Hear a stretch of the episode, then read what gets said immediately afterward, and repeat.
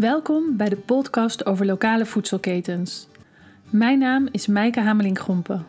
En in deze podcast delen boeren, burgers en tuinders hun verhaal en grootste leerpunten bij het samen opstarten van lokale voedselketens. Deze podcast is er ter inspiratie en als aanmoediging, want gezond voedsel beschikbaar maken voor iedereen, dat kunnen we echt alleen samen.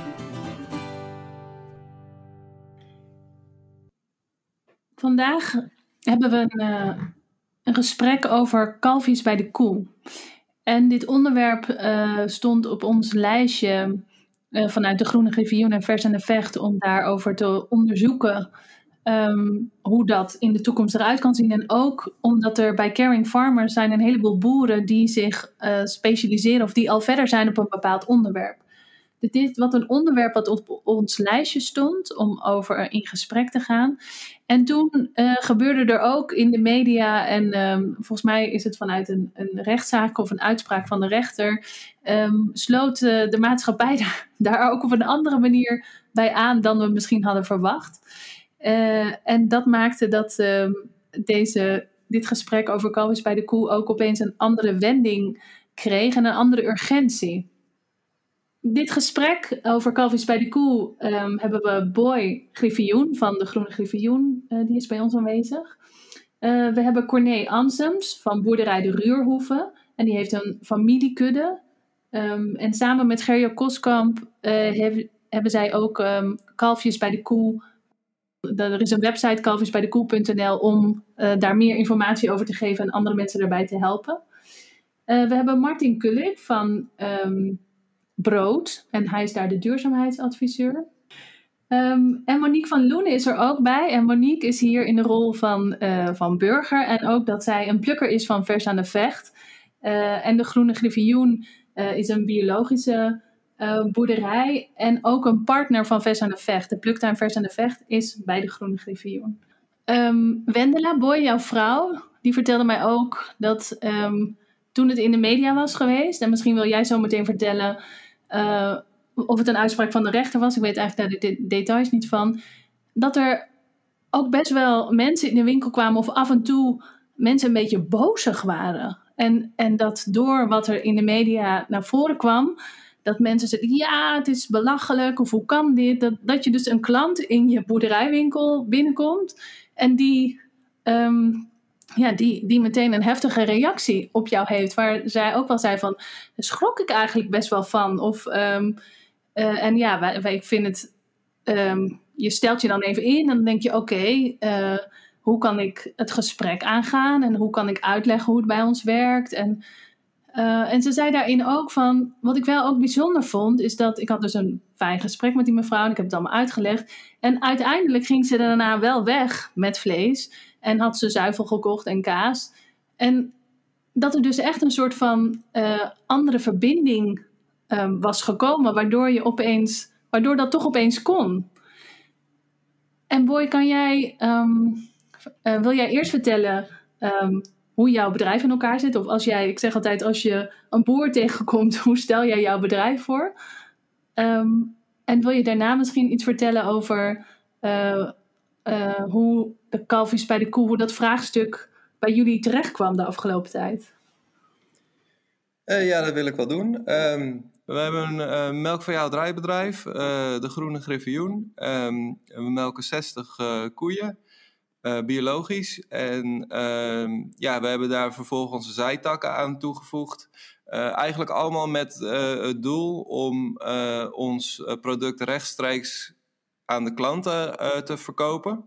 Uh, omdat we zo op een makkelijkere manier uh, samen met de klant kunnen bepalen hoe dat product gemaakt wordt. Dus in eerste instantie waren we omgeschakeld naar biologisch, maar ja, we zien dat niet echt als een eindstation. En het is ook, ja, het is, het is ook lastig om ehm, om alles uh, bio te blijven doen als je dingen anders wil. Bijvoorbeeld uh, reststromen voor varkens. We hebben een paar varkens in de zomer. En als die uh, restjes eten, eten van de mensen, dan ja, mag dat niet bio. En ehm, hier in de molen in Weesp hebben ze biologisch meel. Alleen ze zijn zelf niet biologisch gecertificeerd.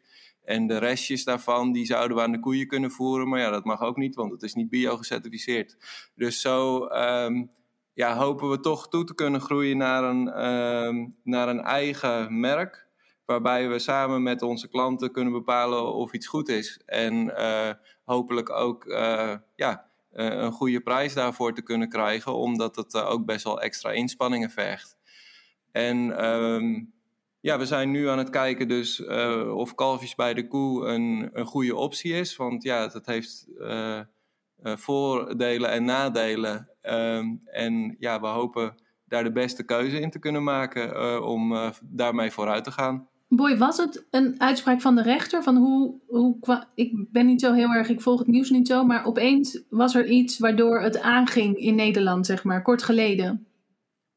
Oh ja, er was gewoon uh, wat stennis over geschopt. Uh, er was verder niet, niet een. Uh, ja, hoe zeg je dat? Was gewoon in het nieuws gekomen en daardoor hadden veel mensen er ineens een mening over. Volgens mij waren ze wel naar de rechtbank gegaan. Ze zijn wel naar de rechtbank gegaan, maar de rechter had uh, geoordeeld dat uh, degene die had aangeklaagd niet in het gelijk was gesteld. Maar ze kregen wel media-aandacht. En dat was dus. Ja, oh, eigenlijk, ja. Ze kregen. Recht, dier en recht, die hebben uh, een paar zaken verloren van. Ik denk Farmers Defense, maar dan weet ik niet zeker wie de, het aangespannen had. Maar dat was wel uh, die hadden wat zaken verloren. Oh, was dat over die reclameactie met die sigaretten? Over de melk, ja. melk is dodelijk. Oh, dat was hem, ja. Die reclame ja. Klopt inderdaad, okay. daar was inderdaad veel over te doen. Dus ik hoor Monique en Monique zegt, uh, er was inderdaad een rechtszaak. En Corné uh, van een boerderij de Ruurhof, die zegt dus, ja, er was een reclame waarin zei de melk is dodelijk. Daar zijn rechtszaken over geweest en zo is het balletje gaan rollen. Corné, wil jij um, na Boy vertellen um, wat voor bedrijf heb jij? Wat voor, wat voor boer ben jij? Hoe kunnen we dat? Ja, wat voor boer ben ik? Dat begint al, hoe heet ik eigenlijk? Hè? Ik ben farmatier, ik ben landschapsgoeder, ik ben natuurboer, kaartboer, inspirator, innovator. Ja, zo kan ik nog even doorgaan. Uh, je hebt wat veel competenties nodig als je wil veranderen. Ja. Um, en dan moet je eigenlijk ook nog samenwerken, want samen kom je mm -hmm. verder. En samen, alleen ga je sneller natuurlijk. Uh, uh, en ik, moet ook nog even zeggen, hè, want ik, ik, ben hier nou bij die podcast omdat mijn familie en mijn zussen uh, dit mogelijk maken, zeg maar. Want zij zorgen ervoor dat het werk gebeurt, zou ik maar zeggen. Want ondertussen moet je veel netwerken. Ja, dat hoort er allemaal bij. Maar verder, het, het, het, bedrijf zelf. Uh, we hebben dus 60 stuks melkvee plus jongvee. 16 jaar geleden zijn we gaan experimenteren met kalf bij de koe omdat Wakker Dier er toen iets van vond. En die vond dat er 14 dagen de kalfjes bij de moeder moesten blijven. Dus ik dacht van nou, dan gaan we kijken of dat reëel is. Nee. Wie vond dat de kalfjes 14... Oh, Wakker, wakker Dier. dier. Okay. Wakker ja. Dier had op hun site staan dat ze eigenlijk vonden dat de kalfjes 14 dagen bij de ja, moeder moesten 16 jaar geleden al, ja. Ja, 16 jaar geleden al. En um, ik werd getriggerd op de biovak door Louis Bolk Instituut en uh, de WUR, die gaven daar lezingen op de biovak over kalf bij de koe. En ik dacht, die zijn helemaal gestoord. Wat willen die nou weer? Maar het, uh, de melkquotum was er toen nog. We hadden melk te veel. En dan laat ik eens gewoon gaan experimenteren en kijken of het ook reëel is, haalbaar is, praktisch toepasbaar. En sindsdien is een hele reis geweest. We hebben uh, samen met Louis Bolk uh, ook nog uh, stalconcepten ontwikkeld. die kun je nog terugzien op familiekuddes.nl of zoiets, geloof ik. Verschillende stalconcepten. En ja, zijn we door aan het gaan ontwikkelen. Uh, 2007, uh, 7, ja, 2007 zijn we met een melkrobot begonnen. Uh, toen kwam de ruimte vrij waar de wachtruimte was en uh, waar de, stal, de melkstal was, zeg maar. En die ben ik ingericht als kalf bij de koerruimte. En um, ja, dat werkt tot op de dag vandaag uh, naar volle tevredenheid. En verder hebben we hier dus niet alleen een melkveebedrijf. In uh, 1981 zijn opa en oma in Goorlen bij Tilburg uh, begonnen met kaas maken. Omdat de, de, jongste zus van mijn moeder thuis kwam. Die heeft daar uh, zuivel gemaakt. Die trouwde met een varkensboer. Dus het bedrijf viel op daar. En is de kaasboerderij, hebben we nog een jaar daar kaas gemaakt. En zeiden nou, dan gaan we op onze boerderij ook doen. Dat zagen mijn ouders als een kans. Om zelf de prijs te bepalen, zeg maar. En toen is hij naar hoog loon gekomen. Zijn zij uh, hier kaas gaan maken. En ehm, mijn moeder deed de winkel, uh, het huishouden. En toen is mijn uh, zus thuisgekomen, Erika, waar ik dus samen ook het bedrijf mee run. Um, en in 2017 het bedrijf overgenomen heb. Die is kaas gaan maken. Toen zij in verwachting raakte, toen hield het even op, maar we moesten wel kaas hebben. Toen ben ik dat gaan doen. En daarna is er een kaasmaker gekomen en ondertussen werk ik met twee kaasmakers. Oh, wow. En ja, zo uh, is het gegroeid. Heel onze melk zetten we zelf af. Uh, ondertussen hebben we het ook voor elkaar gekregen om, uh, want in de statuten van Capina stond dat je eigenlijk geen melk aan mag kopen van een collega boer, alleen van je eigen boerderij. Wacht even hoor. Dit zijn technische dingen als in, in de statuten van Campina, dus jullie werkten voor Campina. Ja. Daar staat dat je. Nee, we zijn lid. Oh, we, zijn lid? lid? we zijn okay. lid van Campina. En daar staat ja. dat je geen melk mag gebruiken van collega-boeren? Nee, in de statuten staat in dat je um, een vrijstelling kan vragen als zelfzuivelaar.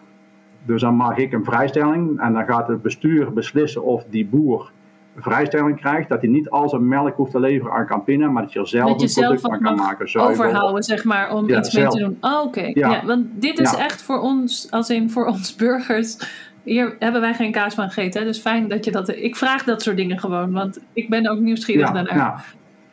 ja, ja, het is enorm, enorm, complex voor boeren al, laat staan voor, voor burgers, uh, zeg maar. Maar in ieder geval, die vrijstelling hebben we van het bestuur gekregen. Maar toen hadden wij, uh, ja, we konden groeien in koeien, maar we waren net gekrompen van koeien, van 120 naar 60 koeien. En we wilden eigenlijk niet groeien en sterker nog, we konden het niet, want we moeten nog fosfaatrechten verkopen. Dat is veel te duur om een koe te mogen houden. Dat was destijds iets van 10.000 euro, moest je hebben om één koe te Zo. mogen houden. Dus dat was voor ons geen optie voor heel veel boeren niet.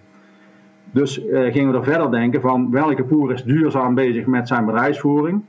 En dat was een boer hier in de buurt in Diesen, Rick Lagendijk. Die had een nieuwe vrijloopstal uh, gebouwd. Dus helemaal met houtsnippers erin. En daar past ook perfect kalf bij de koe in. Want destijds uh, ben ik in contact gekomen met Leslie van Eyes and Animals, de directeur. Um, en ik was al een paar jaar geleden daarvoor um, uh, bij Markt met de Q proberen binnen te komen met onze kaas, kalf bij de koe. Maar daar hadden ze geen oren aan.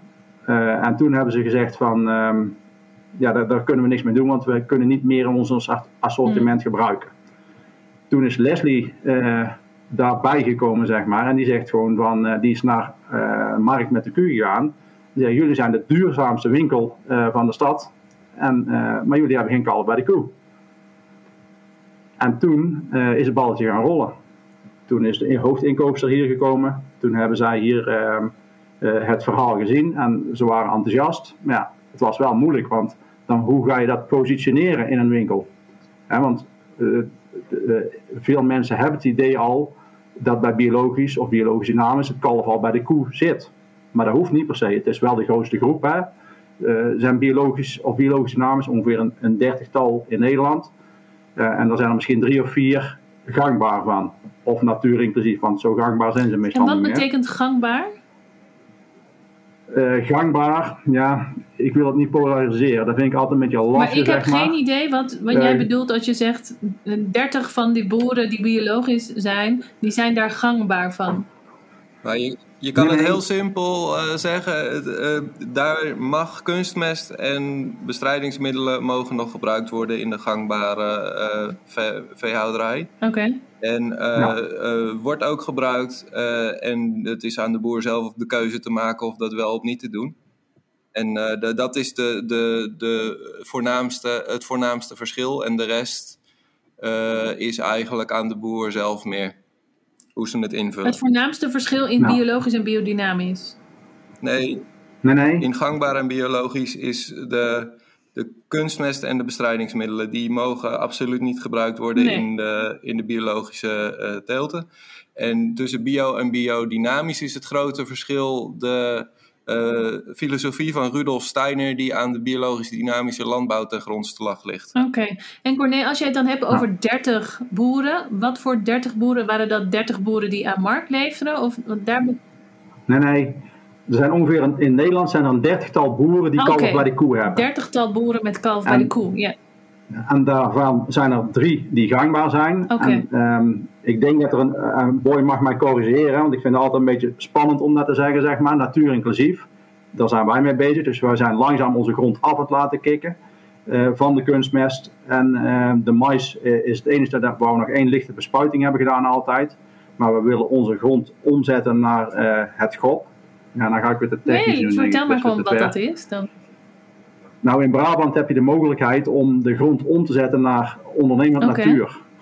Dus dat het wel agrarisch is, maar dat er wel ehm, eh, landschapselementen. Wij willen de agroforestry.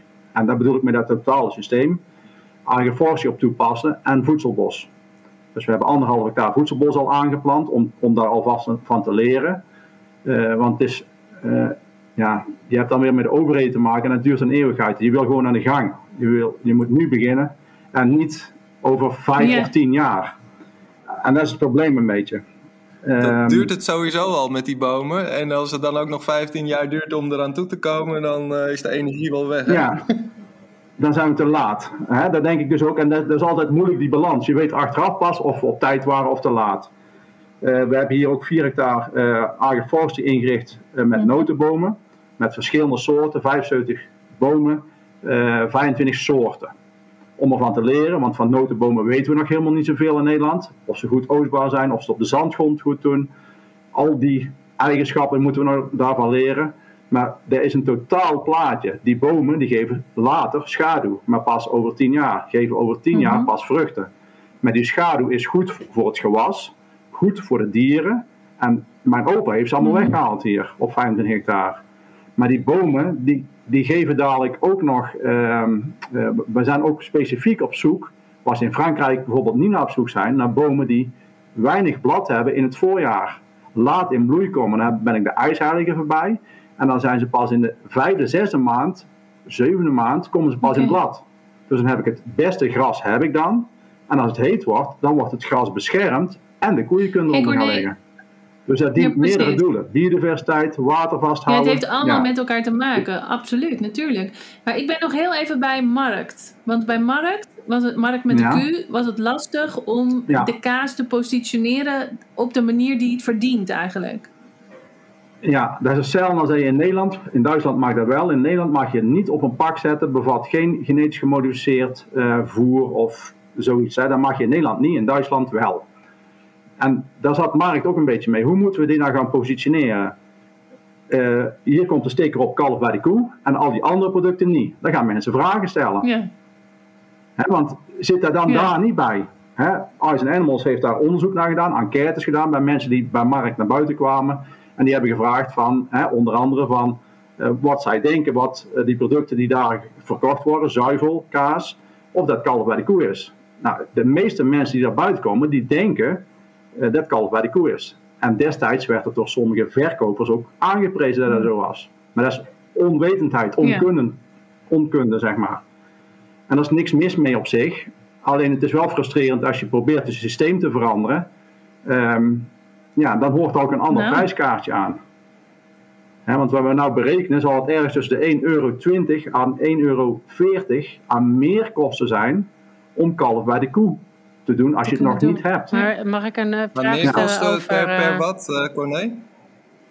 Eh, als je het vlees en melk meeneemt, want ik zie het als een totaalconcept. Je haalt niet alleen het vlees, dus een stierkalf zit ook in dat concept in. En dat Eén maakt het moment, extra eh, duur. Corné, want ehm, ik hoorde Monique iets vragen. Monique, kom zo bij je terug. Maar eh, Boy, Ja. kan jij je vraag opnieuw stellen? Want we hoorden jouw vraag niet. En Corné waarschijnlijk wel. Ehm, ja, nee, het, het, eh, ik, Corné die zei het kost 1,10 eh extra.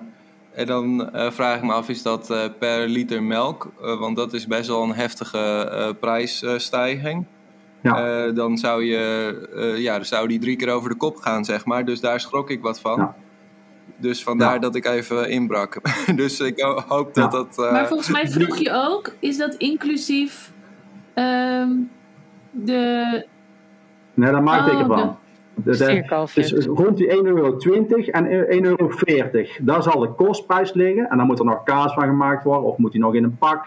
Dus dat is niet Nee, de consumentenprijs. De duurste consumentenprijs, biologische melk in de retail, zit volgens mij de duurste rond 1,60. 1,60 euro. Biologische. Of biologische namen, dat weet ik niet zeker. Dat is de duurste die ik gevonden heb in de retail. Ehm, dus het, het is best wel een niche in de niche waarschijnlijk. Ehm, ehm, wat wou ik zeggen? Ja, je had het ook nog over de, Ehm, de kalveren. En Het vlees. Ja, dat is, voor- dat is voor mij ook nog een, een best een overweging, omdat je het eh, hebt over. ehm, ja, als je normale melkveehouderijbedrijf hebt, heb je ongeveer eh, een derde van de kalfjes hoef je hooguit maar aan te houden om jezelf eh, van nieuwe, nieuwe koeien te voorzien, zeg maar. En als je kalfjes bij de koe echt serieus zou nemen, dan moet je ze eigenlijk allemaal thuis houden totdat ze groot zijn. Of in ieder geval groot genoeg om bij moeder weg te gaan. En dat, dat is eh, wel zo'n eh, eh, hoeveelheid dieren extra, dat je, ja, dat is gewoon, die eten allemaal bij je mee en zitten in je milieuruimte, zo gezegd. Waardoor, Bouwblok. Waardoor, waardoor waar je eh, ja, als boer minder, eh, minder dieren die melk geven kan houden. En daardoor dus ook gewoon minder aan die mindere liters kan produceren. Oké, jongens, dit, dit zijn dingen die eruit voortkomen. En Monique, jij, jij wilde ook een vraag stellen. En we komen zo ook bij jou om, om even jou, eh, jouw kant van het verhaal, zeg maar, hoe jij erin staat. of wat jij erover weet, te vragen. Maar wat is de vraag die jij wilde stellen op wat hier nu ter tafel kwam? Nou, eh, ik hoorde natuurlijk eh, net over van ja, eh, speciale kalfjes bij de koestallen. Ehm eh, volgens mij heb ik ergens ook horen vallen dat de, als de stallen niet geschikt zijn, dat de moeders of dat, dat de kalfjes verdrukt worden als dat niet op de juiste manier ingericht is. Ehm, dus heb je dan inderdaad eh, veel meer vierkante meter nodig eh, om, om een juiste stal te creëren. En is het een hele andere indeling. Ik zie Corné knikken. Er moet gewoon nog heel veel geleerd worden. Ik heb het op mijn manier gedaan, in mijn stal, met mijn mogelijkheden, met mijn middelen. Ik merk nou, we zijn met eh, Beter Leven criteria. Hè, we hebben een aanvraag samen met Eyes and Animals gedaan bij Bart Miset. Daardoor hebben we wat extra geld kunnen genereren om dingen te gaan leren, te experimenteren. Eh, ik heb net zo goed behoefte aan om eh, die criteria eh, de juiste waarde te geven voor Beter Leven ehm, criteria. Dus je hebt het Beter Leven drie sterren, waar ik graag aan zou willen voldoen. Dat gaat op sommige punten verder dan biologisch. En vind ik soms realistischer, wat Boy net in het begin al noemde, van bepaalde dingen. Dat je de voer niet van die en niet van die, omdat die niet school Ja, gecertificeerd ja. is. Maar het moet lokaal zijn, binnen straal van. Dus ik voel me als boer veel beter bij de Beter Leven criteria die nu zijn. Drie sterren. En die zijn echt wel pittig. Daar voldoen we nu niet aan.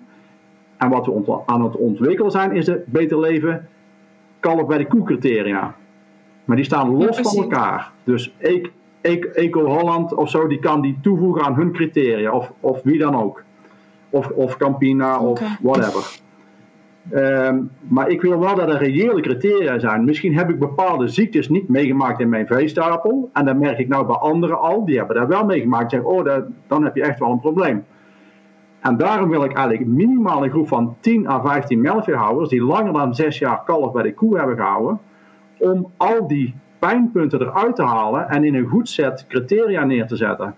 Want ik zou het heel erg vinden dat we nou een criteria neerzetten, omdat ik met een melkrobot melk en ik het op die manier doe en een hoge gezondheidsstatus heb, dat ik tegen bepaalde problemen niet Het aangelopen heeft ben. ook volgens mij met, eh, En dan ben ik misschien met een ras te maken.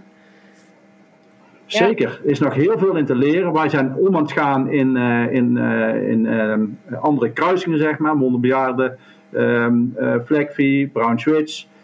Dan merk ik al dat het totaal andere dieren zijn. Bij Belgische blauwe, die gebruikt wij op het ondereind, dus op, op de minst eh, productieve dieren. Dan merk ik al dat het totaal andere dieren zijn en die veel harder groeien dan de Holland Friesing koeien, zou ik maar zeggen. Dus er is nog zoveel te leren. En ik doe dat liever Ja. goed. Want ik schat in dat wij pas over anderhalf, twee jaar pas zover zijn dat we die criteria fatsoenlijk op de rit hebben. Omdat we daar nog gewoon heel veel sessies voor nodig zullen hebben om daar de juiste criteria voor neer Ja, te Ik zetten. vind het heel mooi om te horen, Corné, dat, ehm, eh, dat je die groep daar zo in zoekt. En ook dat je ehm, in het doen, dus van oké, ik heb het zo gedaan, maar we zijn allemaal anders. En ik wil eigenlijk zoveel mogelijk dingen daarin vangen. Dus ook weer hier komt dat samen naar boven. Hoe kunnen we samen eh, zoveel mogelijk dingen eruit halen dat andere boeren zo succesvol mogelijk kunnen overstappen? Dan hebben we wel een aantal dingen nog verder te leren. Dat vind ik echt heel mooi. Ja, ja, ik had daar eigenlijk pas aan het eind van de rit. Maar Hanneke van Urgenda, Kerry Farmers, die kwam eigenlijk op de zijpoor en die heeft ook niet zoveel geduld. Ik kan elkaar een hand geven. die had ik eigenlijk, de NGO's had ik eigenlijk pas aan het eind gepland. Als we daar die fase gehad hadden, maar goed, de dingen lopen zoals ze lopen en dan kun je, ja, je kan er tegen vechten. Dat is ook niet voor niks soms, inderdaad. Nee, de, de, soms gebeurt dat gewoon en uh, is het ook oké. En dan is het soms even schakelen en even het plan aanpassen. Uh, maar het mooie waar nou al wel eerder begint, is uh, dat we dadelijk al mooi een groep boeren hebben die al langere periode ja. kalf bij de koe hebben. Dus ongeveer vanaf zes jaar en langer. Uh, maar ook zijn er ook al boeren zich aan het melden die daarmee willen experimenteren of die al een paar kalfjes bij de koe hebben. Um, en dan kunnen we die dadelijk, we hebben een, een, een subsidieaanvraag gedaan vanuit Kerry Farmers om die boeren daar ook te kunnen laten doen. Om te leren en die boeren die het gaan, die ervaringsdeskundigen, daar ook voor betaald krijgen. En normaal zijn het altijd de projectbureaus die heel het geld binnenharken en de boeren die kunnen meedoen, maar die, ja, die kunnen hun tijd inbrengen. En, ja, dan houdt het daarbij ja. op, zeg maar. Dus dat vind ik wel heel mooi, de gedachtegang zoals Kerry Farmers ermee omgaat, om ook aan de ja. boeren te denken. En niet alleen aan de projectbureaus die de plannen exact. schrijven. Sorry dat ik jullie even onderbreek, maar ik, um, ik vind dat het heel echt vanuit de boer gedacht is. En ik snap ook helemaal dat we hier, hier uh, melkveehouders graag willen stimuleren om om te schakelen, om de kalfje bij de koe te krijgen enzovoort. Maar misschien moet ik maar even ja, een ander geluid laten ja, horen. Fijn ik ben zelf vegan. ik ben zelf, zelf veganist, dus ik ben niet per se tegen melkkoeien. Sterker nog, ik zet me bij brood heel sterk daarvoor in dat we juist met MoMA zijn gaan samenwerken. En dat we juist ook nu kijken van hoe kunnen we nog meer ervoor zorgen dat eigenlijk de dierenrechten ook bij de boeren echt nageleefd worden. Maar wat ik heel eerlijk gezegd te vaak tegenkom is wat is voor de boer werkbaar? Dat is eigenlijk altijd een beetje het, het wat ik zie waar altijd de streep onder zit. Terwijl ik denk, jullie zouden niet eens kunnen overleven als jullie niet de koeien dagelijks zouden gaan melken. De koeien voorzien jullie, jullie kinderen, jullie huis, de werkzaamheden die jullie doen. Dat komt allemaal uit de melk en waar die melk, uit, wat die melk uiteindelijk oplevert vandaan. Dus sorry dat ik het even zo zeg, maar hoe durf je eigenlijk te, over, over na te denken van uh, ja, hoe kunnen we dit nu werkbaar maken voor ons? Ik vind dat, moet, dat het überhaupt nog aan deze punt is dat de kalfjes niet bij de koe zijn. Of dat bijvoorbeeld nog een heel ander oogpunt, misschien gaan we het hier vandaag niet over hebben, maar de koe met pensioen gaan. De meeste boeren, zodra die melk uitgemelkt is en die, en die koeien niet meer zwanger worden, gaat het gewoon direct naar de slagger. Except het is een oma koe waar een boer een enorme liefde en passie voor heeft, dan blijft die misschien even nog wat langer staan. Maar dat is alleen maar onkosten. En die denkpatroon, vind ik, die moeten we eigenlijk doorbreken. De koe moet tijdens haar leven eigenlijk het recht opbouwen om oud te kunnen worden op, de, op de boerderij. Een kalfje moet het recht hebben om bij de moeder op te kunnen groeien. Stel voor, we zouden dat bij de mensen gaan doen.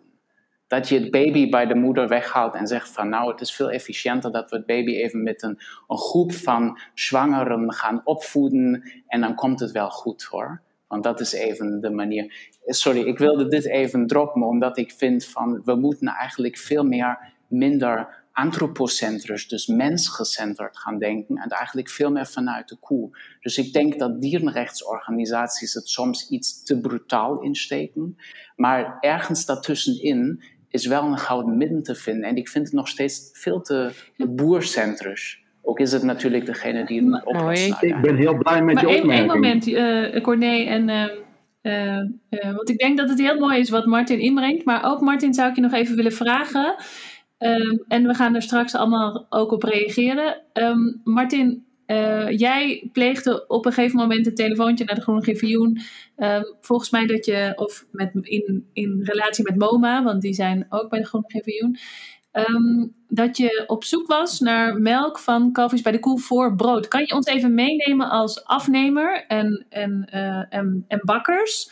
Eh, wat er bij jullie in het bedrijf gespeeld heeft, of, of hoe dit bij jullie op de agenda is gekomen? Of, ehm, want het kwam allemaal een beetje in dezelfde tijd dat het ook zo in de media kwam. Toen hebben jullie ook contact met elkaar gehad. Wil je daar iets over vertellen? Ja, dat klopt. Dus nou, ik werk eigenlijk bij Brood. Dat is een zeg maar, middelgrote bakkersbedrijf, eh, gevestigd in Amsterdam. Is onderdeel ook van uh, Amarant of Beek 5 groep. Dat is naast Borgesius op dit moment de tweede grootste bakkersgroep van Nederland. En wij voorzien onder andere dus ook markt sinds, uh, sinds, sinds het begin van de, van de broodproducten. En we hebben tien winkels in Amsterdam en vier bakkerijen in totaal waarvan we ook een aantal supermarkten beleveren. Voor onze eigen winkels in Amsterdam zijn we nu eigenlijk bezig om een volledig transformatieproject uh, te doen, waar ik eigenlijk slechts nu de afgelopen drie jaar bij uh, betrokken ben, waar ik eigenlijk ook mag helpen om die, om die transitie te faciliteren. Dus door eigenlijk de doelen op te stellen en samen met, uh, met de eigenaressen en met de medewerkers die ja, die proces, en welke transitie bedoel je dan? Zo zijn we. Transitie is dat wij de, de hele bedrijf 100% biologisch okay. dynamisch willen maken. Maar daarnaast spelen natuurlijk ook andere aspecten als we willen graag uh, klimaatpositief zijn en um, al de producten willen we lokaal um, en seizoensgebonden betrek, um, betrekken. Dus de bedoeling is ook echt wel dat we uitsluitend sourcen binnen Nederland. Dus een heel nieuwe sourcing opbouwen voor de hele bedrijf. En dat, dat is de hoop dat op, op een bepaald moment, als het succesvol is, dat dat dus ook um, doortrekt tot de, tot de groep. Dus dat het misschien de eerste grote bakkersgroep van Nederland wordt die ook aan al die processen voldoet. En zo zijn we eigenlijk um, al begonnen met de samenwerking met MoMA. Om, we hadden daarvoor gangbare melk, nu hebben we die melk van MoMA. En beetje bij beetje zijn er meer en meer onderdelen en, en diepgaande discussies ook binnen ons bedrijf gaande, waar natuurlijk tijd voor nodig is. En daar is dus onder andere een kalfje bij de koe en de koepensioen twee onderdelen van. En natuurlijk ook wat krijgen koeien gevoed, hoeveel komen ze buiten, et cetera. Dus daarom ook ons streven om biodynamisch te werken. Maar ook binnen biodynamisch is het niet heilig en veilig. Sterker nog, ik heb bij een biodynamisch bedrijf um, in de buurt van Amsterdam een heel lange tijd meegewerkt. En ik zag in wat voor een rotzooi de koeien daar de, door de winter stonden. Dus dat is ver van heilig en veilig. Um, ik denk het is echt per boer, per bedrijf Ehm, te bekijken van hoe wordt daar met de dieren omgegaan, hoe, hoe zijn de werkprocessen. En daarom kwamen wij eigenlijk ook met de vraag, en dat is niet alleen tegen MoMA, maar ook tegenover onze andere leveranciers. Um, wat voor bemesting gebruiken jullie bij de gaanteelt, et cetera. Dus eigenlijk de hele processen, alle werkprocessen echt te begrijpen en ook simpelweg een keuze te maken door te zeggen van waar staan we eigenlijk achter? Willen we dat biodynamische speld geteeld in Groningen op biologische kippenmest geteeld wordt? Is dat, staan we daarachter? Is dat iets wat we willen? En als nee, dan waar, waar staan we wel achter? Dus hetzelfde ook bij kalfje bij de koe. Dat is iets wat wij eigenlijk um, een onderdeel, dat is wat we verwachten eigenlijk van. Wauw, wat mooi om te horen dat, dat brood um, uh, inderdaad in die transitie zit, maar ook al die vragen gaat stellen. Dus er, we zijn ook op een plek in de wereld, denk ik, waarin we zoveel keuzes en manieren en dingen niet meer weten waar ze eigenlijk nog vandaan komen, omdat ze of van ver teruggaan, of omdat we het al altijd doen, of omdat er zoveel mensen overheen zijn gegaan. En ik geloof heel erg dat het de tijd is om dat wel weer die vragen te stellen. Maar ja, wil je daarin investeren? En wil je al dat werk doen? Want wat je al zei van uh, dat we dus echt onze um, grondstoffen en zo opnieuw sourcen. Um, daarin betekent sourcen dat je dus echt gaat kijken waar komt het vandaan. Vind ik die leverancier ook een helemaal hoe zij het doen ook. Dus waar komen mijn spullen vandaan waarmee wij dan weer brood maken. Ik ben wel een beetje onder de indruk in de zin van Um, uh, persoonlijk vind ik het heel fijn. Of hebben we dit met z'n allen te doen? Maar ik vind het heel fijn om te horen dat brood ook in die grootsheid die vragen stelt. En dus daar um, ja, tijd neemt om die stappen te nemen. Want dat is ook een beetje een onderdeel wat hier zeker ter tafel zou komen. Dat het gaat gewoon niet van de een op de andere dag. En een transitie, we staan echt met z'n allen aan de, in en aan de vooravond van hele grote transities. En ook weer daar wat Ger uh, wat Corné zei, die hebben we echt samen te maken. En dat... Ja. Maar we hebben ook de wilde en de luxe om dit te kunnen vragen in Nederland. Hè? Maar we willen het er nog niet voor betalen. En dat vind ik nog veel erger. We hebben het geld, maar we besteden het niet goed. Ik, heb, eh, ik vind het heel inspirerend wat je zegt, Martin. Ehm, ik heb wel een vraag. Hoeveel liter melk gaat er in een brood? In een brood niks, maar we verkopen heel veel koffie en zo'n klein brood en banket. En wij verwerken, als ik het goed heb, um, 50, tussen de 50 en de 80.000 liter. En waar wordt dat dan in verwerkt? Koffie, okay. um, speciale feestdagen, assortiment, klein brood, banket. Ja. Nou, ik had alweer een nieuw idee. Ik dacht, we gaan het kalf bij de koelbrood uh, maken. Maar daar, gaat dus, daar gaan geen liters in, dan, wat dat betreft. Maar uh, je mag één ding ook niet loszien van elkaar, denk ik. Hè. Ik, uh, ik heb ooit uh, het Doe-het-zelf-kip project moeten doen, maar daar ga ik het nou niet over hebben. Maar ik was wel in Amsterdam en daar vertelde, ehm, hoe heet dat nou toch daar? Ehm, ik ben het even kwijt, die naam. In ieder geval, die hadden ook een kip geadopteerd. Het is, het is vlak bij het station. Het station staat een groot Mediamatic gebouw. bedoel je zeker? Nee, nee, die, waar, waar, allemaal verhuurd wordt door de gemeente uh, Amsterdam, waar allemaal duurzame bedrijfjes, start-ups zitten. Um, uh, ja, dat is uh, onder die brug zeker daar. Café de Keuvel? Een, gro een, groot gebouw is het. Ik weet het ook even niet. Maar op die plek waar duurzame nee, ondernemers zitten in Amsterdam, ja? Ja, ik moest daarover doen. We gingen die, hebben, die mensen hebben dus het, ei gekregen en ze hebben uiteindelijk ook het mes erbij gekregen om die kip te gaan slachten. En aan het eind hadden ze zelf de keuze om die kip te slachten. Ik ben daar heen gegaan, zeg maar. Uh, en daar waren dan ook lezingen. En daar vertelde ook iemand, die ik daar niet, helemaal niet verwacht had, van het gras is onderdeel van deze aardbodem. Ik weet niet precies hoeveel procent, hè, ik ben niet zo goed in getallen. Um, is gras en, en kan anders nergens, um, daar kunnen geen andere teelten gedaan worden. Dus een koe is heel goed in het omzetten van um, laagwaardig gras naar hoogwaardig eiwit in melk en vlees.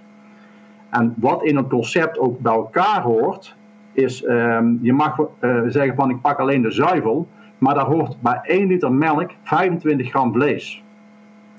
En dat is eigenlijk mooi. Hè? In Brabant hebben ze worstbroodjes. Ik weet niet of ze in Amsterdam ook kennen. Maar dat zouden we dan eigenlijk moeten maken, worstenbroodjes. Want dan heb je het, het, het, het verhaal nog veel mooier. Want dat hoort bij elkaar. Je kan die niet loszien van elkaar. De kalfjes gaan naar Frankrijk. 95% denk ik wordt in Frankrijk geconsumeerd. Dat willen we in dit concept weer terugbrengen. Dat die stierkalfjes ook op die boerderijen blijven. Ja, maar dat, dat hoort bij elkaar. Dat, dat is um, in die zin al zo'n onderdeel van de, uh, ja, lullig gezegd, de kostenpost bij de boer. Dat het al bijna niet, uh, niet zonder uh, die extra inkomsten kan. je, nee. je moet en de melk moet beter verwaard worden, maar het, het, het, ja, het, het kost, ook, het kost ook. veel melk. En de vlees moet daardoor is nog belangrijker dat de vlees ook die waarde krijgt. Dus in die zin ben ik het met Corné helemaal eens. En ik denk dat het ook voor de koe uh, in het melkveehouderijsysteem. Um, met kalfjes bij de koe moet je dat, moet je dat ook willen, denk ik. Want je, je, normaal gesproken, wat ik net zei, twee derde van de kalfjes zijn in principe met, met 12, 13 dagen zijn ze van de boerderij verdwenen. Dan gaan ze naar een andere, andere uh, boerderij toe. Collega. En, en die, uh, die uh, zorgt dat ze groot worden en dan gaan ze naar de slachterij. Maar um, um, daar wordt ook wel mee geschermd, zeg maar. van, nou ja, als je een, een duurzame veestapel hebt, dan worden de koeien ouder. Maar die kalfjes worden nog steeds geboren. Dus voor iedere koe die ouder wordt, wordt er ook één jonger normaal gesproken in de melkveehouderij. En uh, dat is heel lastig om goed uit te leggen en om goed te praten. Maar uiteindelijk uh, wil je uh, denken aan kalfjes bij de koe. Dan zou je in principe al je kalfjes zelf op de boerderij groot moeten brengen, denk ik. En als je dan ook nog aan een, uh, koeienpensioen wil gaan denken, ja, dan, heb je in principe zoveel dieren op de boerderij die uh, dan wel veel melk drinken en dan wel geen melk geven. Dat, uh, dat, dat die meerkosten over een klein beetje melk uh, verdiend moeten worden. En dat het vlees uh, in verhouding een steeds groter aandeel ook is van het verdienmodel. En ja, als we daar niet over na kunnen denken, dan, dan kun je bijna wel stoppen met de discussie. Dus het is, het is, het is alles bij elkaar moet goed zijn. Ik heb daar in het verleden ook over nagedacht. Hè, en in de toekomst ga ik dat ook weer doen, een pensioen te maken. Hè. Wat dat betreft ben ik jaloers op Boy. Dit is zo dicht bij een mooie groep consumenten die veel te besteden heeft. Een Amsterdammer heeft een totaal ander bestedingspatroon dan als je mensen hier in Tilburg en Eindhoven gaat uh, vragen. Want die geloven het allemaal wel. Die vinden dat we een mooi verhaal hebben en die nemen dan een lekker stukje kaas mee. Um, maar hier betalen ze in Eindhoven of in Tilburg betalen ze echt geen 5, 6 euro voor een bak koffie. Dat doen ze in Amsterdam wel. Het is een totaal andere consument. En dat was ook de reden waarom ik met dit concept naar markt met de Q wilde. Want daar zit een totaal andere consument dan we hier hebben. We moeten ergens beginnen en daar is het geld om te veranderen en anders te denken. Dus zo heb ik dat bezien. Uh, en dan zou er, als we dat pensioen willen doen voor die koeien, dat zou ik best willen. Maar daar moet wel ergens van betaald worden. Dat kun je niet alleen op de schouders van de boer leggen. Die, nee, het is de verantwoordelijkheid van de maatschappij. Het is de verantwoordelijkheid van de maatschappij. We moeten gewoon met z'n allen gaan consumeren. En nu zien we nog nu zien we nog dat we elke dag kaas op ons brood eten. En dat vinden we normaal, want dat zijn we gewend. En uh, ja, dat, dat doen we gewoon.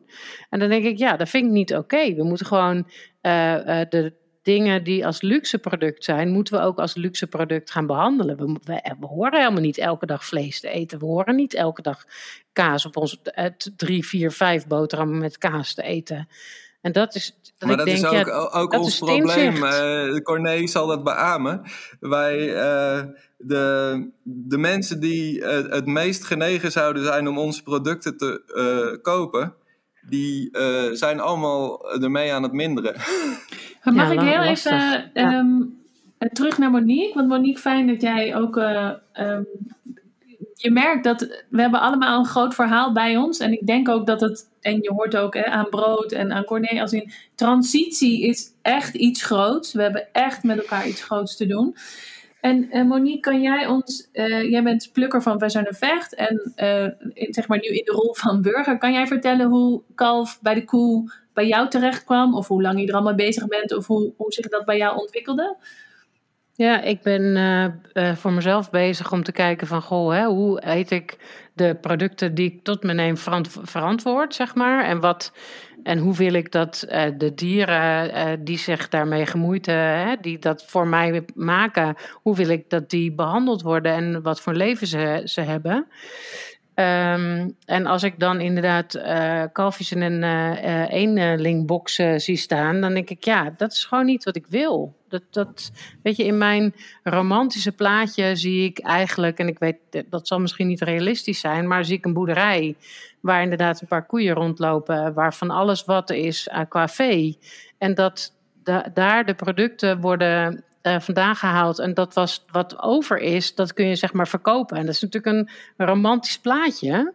Eh, maar nu hebben we het totaal tegenovergestelde met z'n allen gecreëerd. En exporteren we zoveel naar het buitenland dat ik denk, ja, hoe kunnen we dat in godsnaam terugkrijgen? Dat, dat, dat er inderdaad goed voor dieren wordt gezorgd en dat er een gesloten systeem is, wat Boy ook zegt. Hè? Haal de producten eh, eh, kort uit je omgeving vandaan. Zorg dat eh, het lokaal is. Zorg dat, het, dat er goed over nagedacht wordt. En dat het niet een label is waar mensen zich dan maar goed bij kunnen voelen. Oh, er staat biologisch dynamisch op, dus dan is het goed.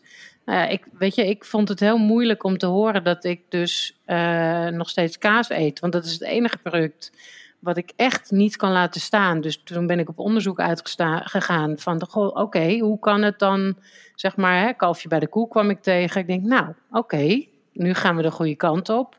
Maar dan hoor je tegengeluiden over boeren die ermee gestopt zijn omdat het kalfje in de verdrukking is gekomen. Dat ik denk, ja, oké, dus we zijn er nog niet. Maar hè, eh, fijn dat er nog steeds boeren zijn die dat wel, hè, die het niet op willen geven en eh, iets moois willen neerzetten.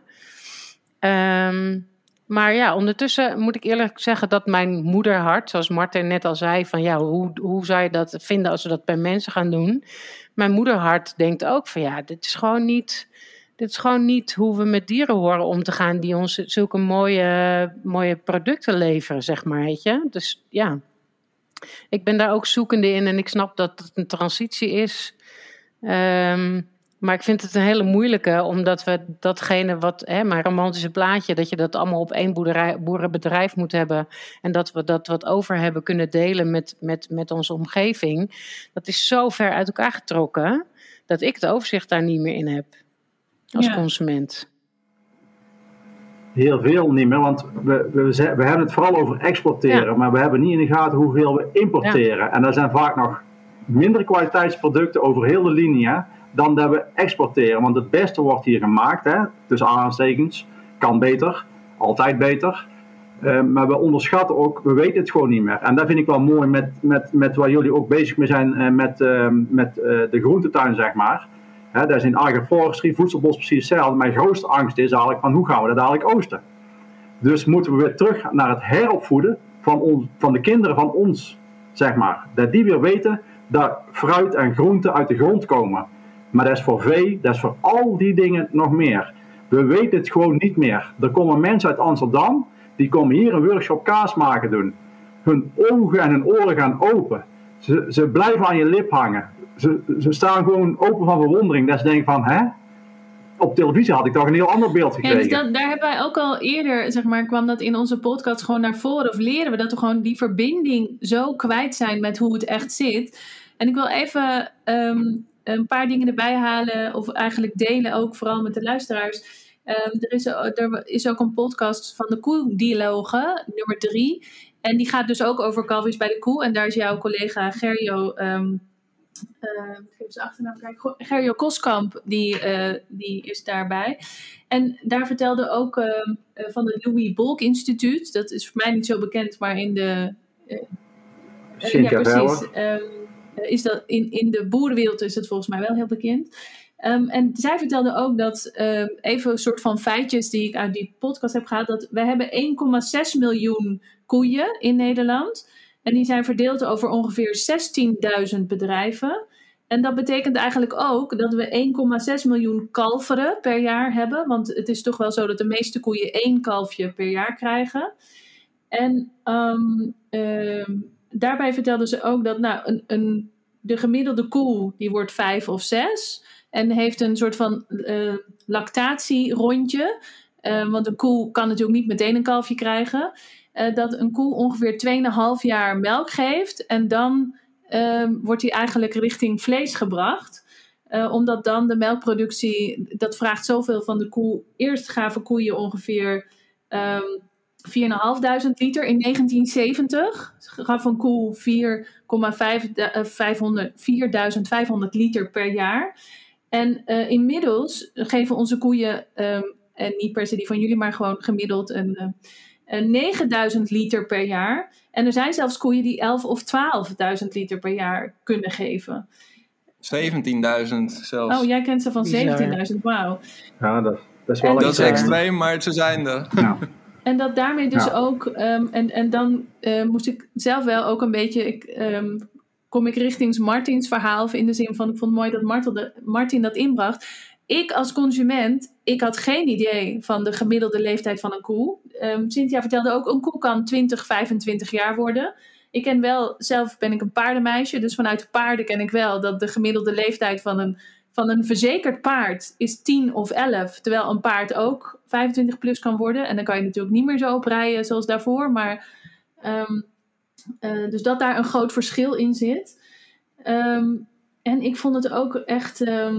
eh, En, en één levensjaar van een koe is gelijk aan zeven mensenlevenjaren. Hè? In die verhouding moet je het Oh ook ja? zien, hè? Waar je nou zelf ook aangeeft, hè? oh, als je het op die manier kijkt. Dus je zou kunnen zeggen: een koe kan Een ook kalf- 75 worden. Die wordt in verhouding 75. Eén levensjaar van een Oh, koe is gelijk aan zeven mensenlevenjaren. Dat is eigenlijk hetzelfde als bij een hond en een kat, hè? Dat, dat is ook een totaal Oké, andere nou, verhouding. daar- daar- dat vind ik ook weer heel interessant dat je, dat vertel ik onze gasten altijd. dit opbrengt. En daarin Ja. vertelde Maar zij ook kan nog. 15 worden, toch? Een koe kan 15 toch worden? 25, 25, dan heb je echt, dan heb je er heel veel mee op, zou ik maar 25, zeggen. Dan, eh, 25, dan is het gewoon echt een, Ja, als je Ja. 25 Dat keer is wel 7 echt doet, een oude dan koe, wordt die is het een helemaal grijs hoor. ja, die is, Ik heb die is nog echt nooit een grijs. oude koe Ik- ik- gezien. en ik ken vanuit de paardendingen, zeg maar, een, een, een bejaardenhuis voor paarden. En dan zie je ze ook gewoon echt helemaal, nou ja, hoe een oud paard er dan uitziet. Maar ik ken niet een oude koe. eh, van 20, 25 jaar, laat ik het zo zeggen. En ze vertelde ook dat dus van die 1,6 miljoen kalfjes, dat ehm, de ja, vervangingswaarde niet helemaal als in 15 tot 35 procent van die 1,6 miljoen kalfjes, die wordt uiteindelijk een, eh, een melkkoe. Dus de andere hebben een andere bestemming. En zelf wist ik ook niet, ik wist, of tenminste, ik vond het interessant gewoon om te weten, en ook als consument, dit hebben wij te weten, dat inderdaad de kalfjes soms heel kort, eh, tien, echt in tientallen dagen bij een boer zijn. En dat er dan dus een soort van tussenhandel is, in de zin van dan zijn er de kalvere bedrijven.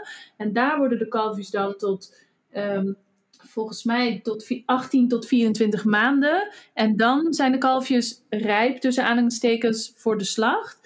Ehm, en en eh, ja, in Nederland eten wij ook niet zoveel kalfsvlees. Dus ik hoor net Gerjo zeggen dat, ehm, sorry, Corné zeggen dat ze ehm, met name naar Frankrijk of dan weer naar buiten gaan. Maar ik vond dit wel een.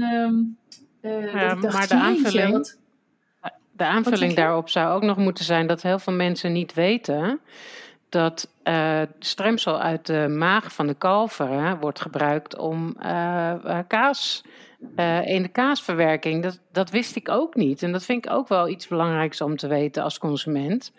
Ehm, eh, want ik kocht biologische kaas. Maar dat zegt niet dat er dus geen eh, stremsel van kalveren wordt gebruikt. En er zijn ook andere middelen. Maar dat staat niet op de verpakking. Dat, Nee. dat, dat de biologische kaas die jij koopt, dat daar dus wel of niet stremsel van de kalf wordt gebruikt.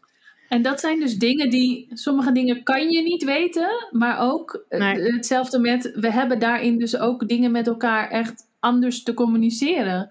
En Boy, ik wil heel graag horen wat jij daarover wil zeggen. En Martin, daarna zou ik ook nog graag jou even willen horen met wat jij weer nu tussendoor gehoord hebt van de anderen. Boy, wat wil jij Ja, de- zeggen? De, het, het, het stremsel, daar heb ik altijd wel een vrij sterke mening over. Want nou ja, al, als melkveehouder, ehm, eh, die weet hoe dat werkt met kalfjes en die weet eh, hoeveel kalfjes er naar de slacht gaan voor een liter melk, is het voor ons altijd heel raar eh, dat er zo'n punt gemaakt wordt van dat stremsel. In mijn ogen, als je dat stremsel niet zou willen eten, dan kun je net zo goed gewoon, dan moet je stoppen met kaas. Dan moet je het ook gewoon doorzetten.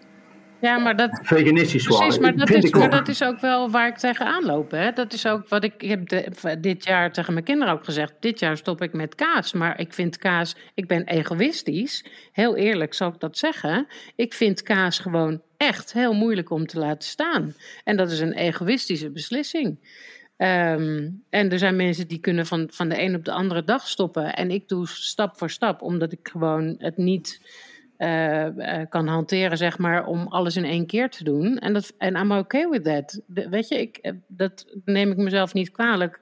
Maar ik vind wel dat ik de, de stappen die ik doe, dat ik daar onderzoek in moet doen. En er zijn biologische kazen waar dat stremsel niet gebruikt wordt. Ik eet geen vlees, omdat ik het principieel tegen ben dat dieren op een bepaalde manier worden behandeld.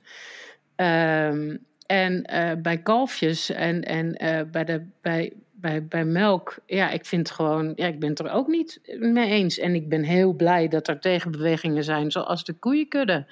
Dat ik denk, ja, er zijn toch wel mensen die het in hun hart goed willen doen ehm, en, en ehm, goed voor de dieren willen zijn. Dus ja. Mag ik daar nog iets over vragen, ehm Corné en en Boy? Want jullie zeggen van ja, als je, als je tegen dat stremsel bent, of in ieder geval vanuit, dan moet je eigenlijk geen kaas eten. Maar ik hoor ook van mensen eh, inderdaad dat er dus een soort van vegan stremsel, of in ieder geval anders strem, vegetarisch stremsel, stremsel. wel in de kaas zit. Hoe, hoe is dat voor jullie? Hoe is dat dan voor jullie? Vind je dat dan geen kaas? Of, of dan heb je nog steeds dat er vlees voor de melk nodig is? Dus vind je dat zo? Ja, Juist. Ik, ik, zou, ik, ik vind het raar als je daar een punt van maakt. Ik, ik denk, ik denk Ja. eerlijk gezegd, die, ehm, het, het, bestaat vegetarisch stremsel en het is goedkoper dan uh, labstremsel. En daardoor is het ook best wel normaal geworden om, dat, om daar kaas mee te maken. Maar ehm, dat het echt een punt is voor je om, om wel of niet voor kaas te kiezen, dat is voor een boer heel raar om te horen. Want dan denk je, ja, aan de ene kant zeg je, ik drink melk, dus ik, of ik eet kaas. Dus uh, nou ja, die, uh, dat aantal gram vlees, wat Corné net noemt, dat wordt er sowieso uh, gepro geproduceerd eigenlijk. Kan je dat nog een keer herhalen, Corné? Bij elke liter. Dat, dat, ja? Bij 1 liter melk hoort 25 okay, gram ja. vlees. Wij hebben, bij ons hebben wij een totaal nieuwe kaas ontwikkeld voor markt met een Q. Met een andere smaak. omdat we die willen onderscheiden van de ruwe kaas die we al hadden. Dus een totaal andere kaas. Um, ze hebben met vegetarisch stremsel gedaan. En dat, praat ik al over uh, vijf, zes jaar geleden. Hè? Toen was er nog minder dat vegetarisch stremsel. En tegenwoordig is dat heel hot. Um, en dat heb ik gedaan omdat de consument in Amsterdam daarnaar vraagt. Um, maar het staat me steeds meer tegen om het te doen eigenlijk. Terwijl ik die, de receptuur vinden we gewoon perfect. Want de smaak is goed, dus ik blijf dat ook doen. Maar eigenlijk staat het me tegen. Want de kalf wordt niet geslacht voor het lepstremsel voor de kaas. Die wordt toch geslacht. dus het is een restproduct, dat kun je weggooien of je kunt gebruiken om er kaas van te maken. Dus, dus het is niet dat het kalf geslacht wordt en zo wordt het misschien. ik, ik kan niet zo goed. Ik probeer altijd door de bril van de consument te kijken, maar misschien door een groep consumenten gezien van het kalf wordt geslacht om kaas te kunnen maken. En zo is het dus niet. Hè? Dus het is lastig, maar je bent constant aan, aan het zoeken. Hoe doe ik het marketingtechnisch goed? Dat het voor de consument goed valt. Uh, hoe doe ik mijn bedrijfsvoering goed? Um, en wat vind ik de waarden die daarbij horen? Ja. En daar hoort daar vlees bij. Dus ik vind eigenlijk, persoonlijk denk ik dan, hè, van uh, eigenlijk moet je dan de keuze maken als je dat niet wilt, of het, het houderijsysteem niet wilt, waar je het mee eens bent. Maar ik hoop dat wij een nieuw houderijsysteem kunnen ontwikkelen waar mensen zich wel in kunnen vinden, dus kalf bij de koe. Uh, met natuurbeheer, met heel veel maatschappelijke waarden die we nu uh, niet ehm, zien als consument en als boer ook niet, kunnen samenvatten in één product. maar, dat is niet alleen zuivel, dat is inclusief ja, vlees. Maar daar, daar, daar ben ik het ook wel mee eens. Maar er wordt nu nog op zoveel plekken uh, wanbeleid gevoerd met dieren.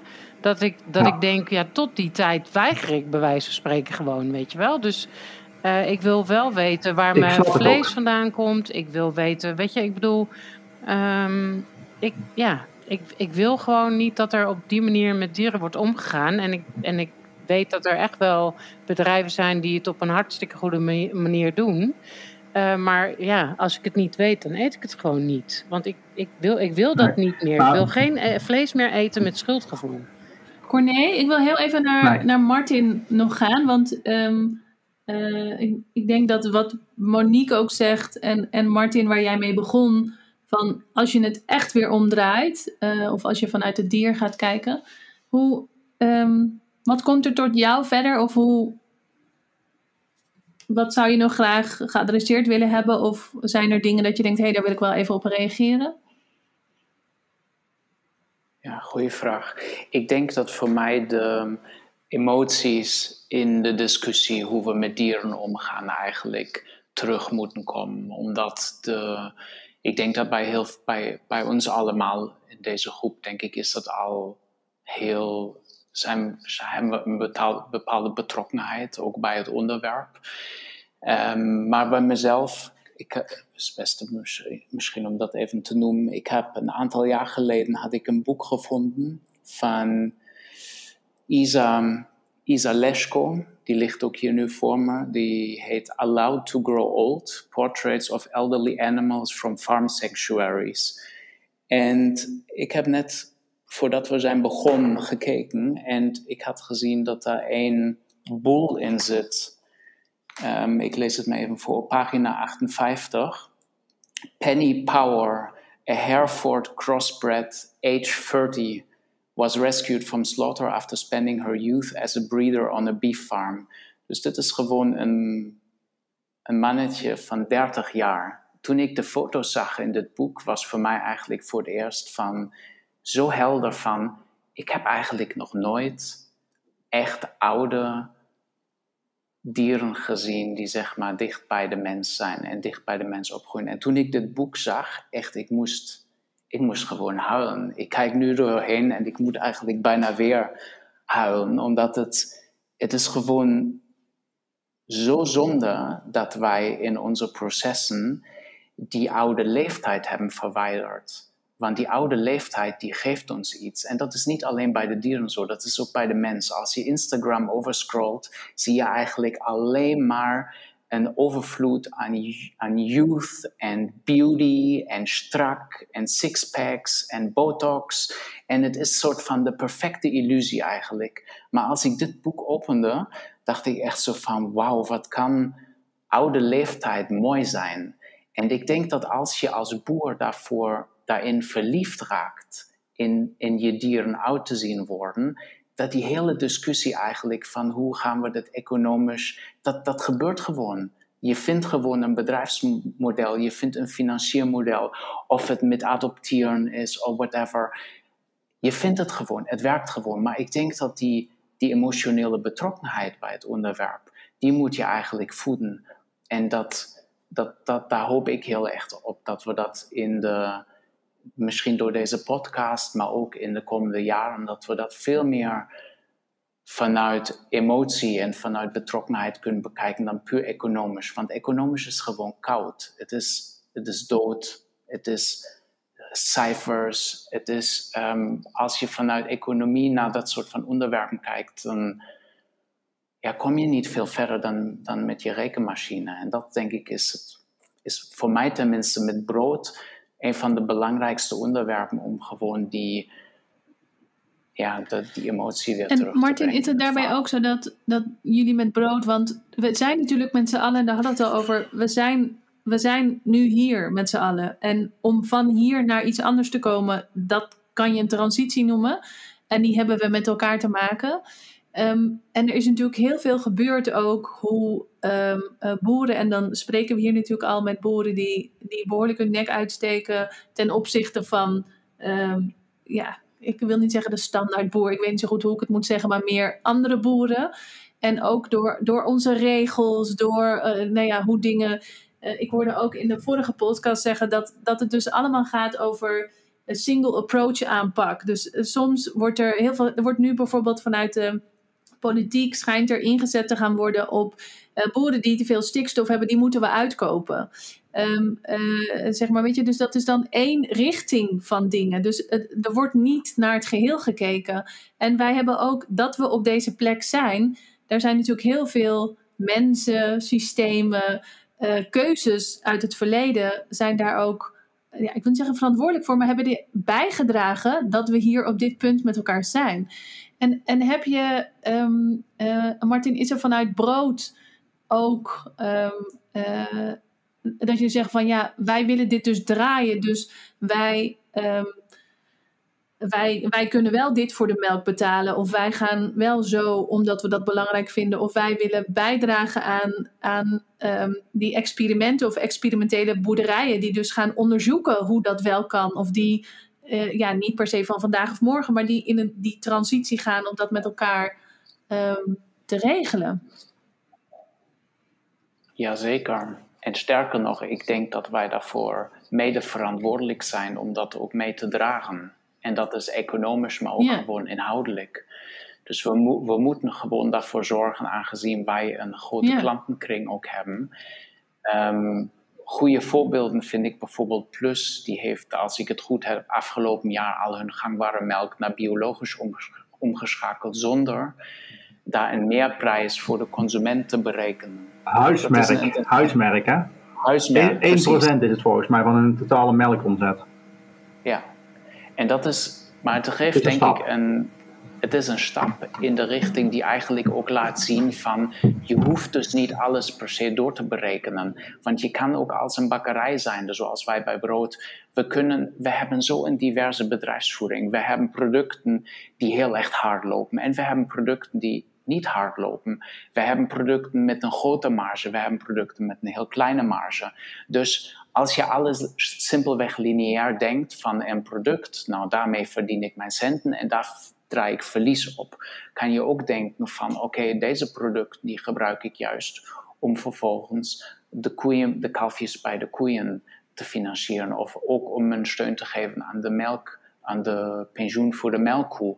Dus dat soort van aspecten, denk ik, zijn voor ons heel erg belangrijk. Maar ik denk ook wel die, die verantwoordelijkheid van het individu, denk ik, is, moet nog veel centraler komen te staan. We hebben in de afgelopen jaren het heel vaak over wij als maatschappij, terwijl we allemaal eigenlijk heel individueel, persoonlijk verschillende keuzes maken. Dus ik zou ook niet zeggen dat er een standaard boer, een standaard melkboer is. Iedereen heeft zijn eigen um, omstandigheden in die die begin, binnen probeert te werken. En ik moet ook eerlijk zijn, ik denk de insteek van de overheid is goed.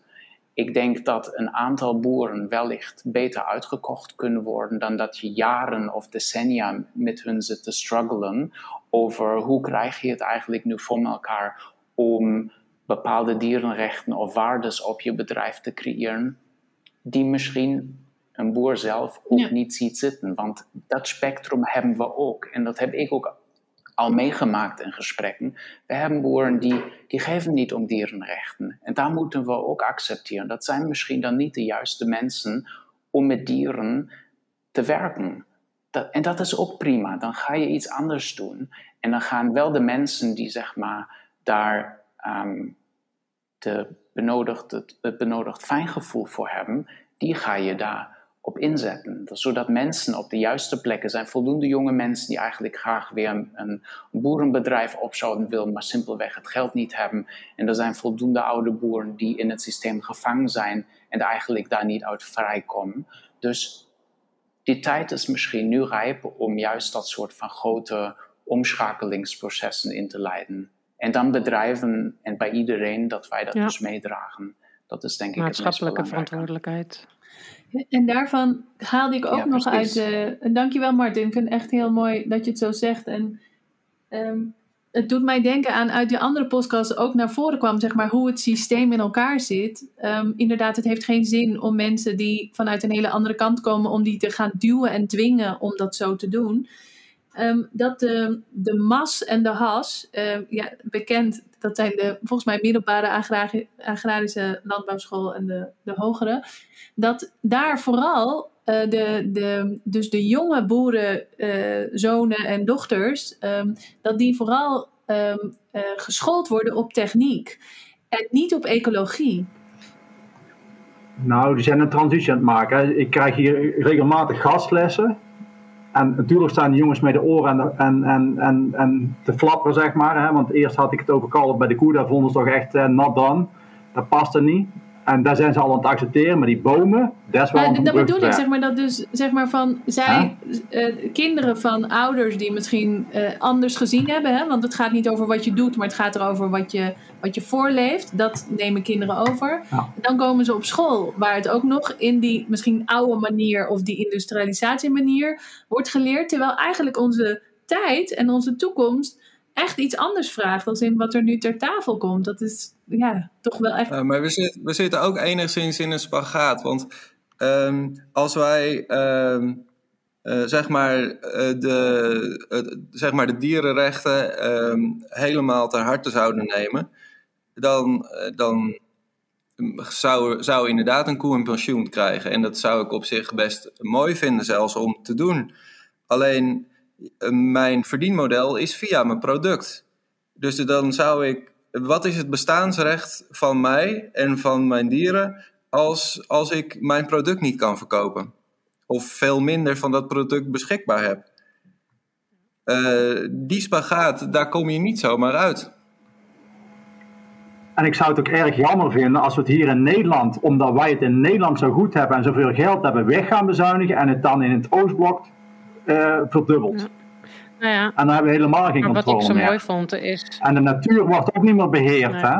Want dat moeten we niet onderschatten. Er liggen zoveel kansen. Ik vind kapitaalsvernietiging, dat ze bedrijven van Natura 2000 gebieden weg gaan kopen, dat kost kapitalen.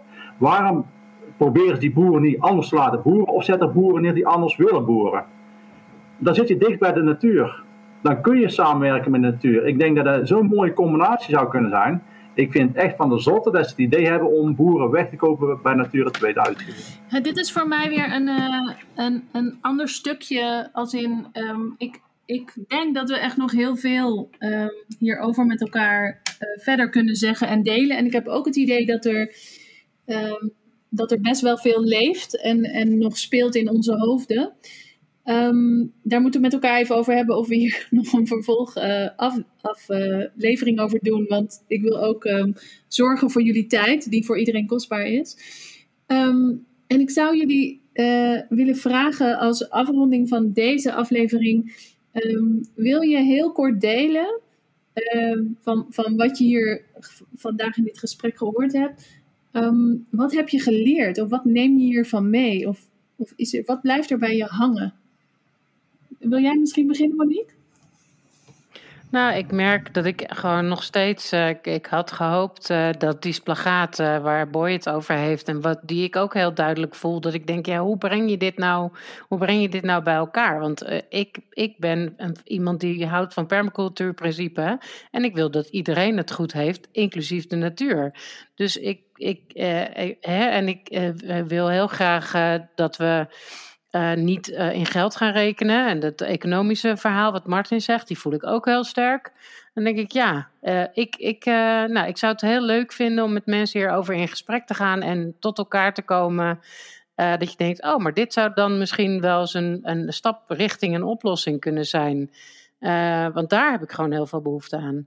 En dat, dat heb ik hier nu nog niet gevonden. Terwijl ik daar wel heel nieuwsgierig naar ben en ontzettend open voor sta. Ja, dus ik hoor je eigenlijk zeggen dat de grootsheid van waar we in zitten en waar we met elkaar voor staan, die is je vooral nog weer eens duidelijk geworden. Ja. Complexiteit. Ja, precies. Maar dat is het ook. Hè? Ik bedoel, als je ziet wat de natuur aan complexiteit eh, tentoonstelt, als je naar één bloem kijkt, dan denk je, ja, dit kunnen we ook niet binnen een uurtje met elkaar. Uh... Nee, maar dit, dit is wel een. een um een, iets wat je in kleinere stapjes wel zou kunnen uh, vormgeven. Kijk, je kan iedere boer, uh, zelfs de meest intensieve, die, die heeft denk ik best de mogelijkheden om, om het met één koe en één kalfje uh, te gaan proberen. Ehm, en dan moet je het wel goed doen, denk ik. want ik denk dat als je een kalfje twee weken bij de moeder laat waarover gesproken is, dat dat eigenlijk nog veel meer Ehm, Drie maanden. Eh, dat het nog slechter is dan dat je het meteen van elkaar uh, scheidt, de kalfje en de moeder. Maar als je gewoon één koe en één kalfje uh, een half jaar bij elkaar kunt houden, of drie maanden, ik weet niet wat een beetje de, de beste scheidingstijd is. Drie maanden. Drie maanden. Drie maanden, daar, daar zit ook in de Beter Leven drie criteria. Ja. Drie maanden, en daar is ook in overleg met Louis Bolk Instituut, met Cynthia, zijn we daarbij uitgekomen, zeg maar. Dat dat de ideale mix van verschillende factoren is. Om te nou ja, drie maanden, dat, dat is te doen. En ja, als je met een aantal uh, mensen daar uh, uh, overeenstemming over kunt vinden, dan, dan zou je van start kunnen. Maar, dus dat is op zich best, best wel een optie. Um, maar ik heb ook nog andere um, overwegingen waar ik moeite mee heb om daar de juiste keuze in te maken. Want we hebben nu wel heel duidelijk over het dier gehad en de wensen van het dier, die heel belangrijk zijn om in te willigen. Maar tegelijkertijd ehm, is iedere uh, verloren uh, liter melk, zo gezegd, lullig gezegd, ook uh, footprint van melk die niet benut wordt. Dus je, je, je hebt een, um, ja, je, je verliest aan efficiëntie, waardoor je ook de, misschien wel meer uh, druk op het milieu legt voor die, voor die liter melk. En om daar ook de juiste keuze in te maken, vind ik persoonlijk heel erg moeilijk. Ja, eens. Ja, ik kan me ook iets bij voorstellen. Dat het is zo'n. Daarmee ook weer zie je die grootheid. Of er zitten nog zoveel andere dingen aan vast. waar we ook niet bewust van zijn. of die ook, ook uh, meetellen. Corné, wat neem jij mee uit deze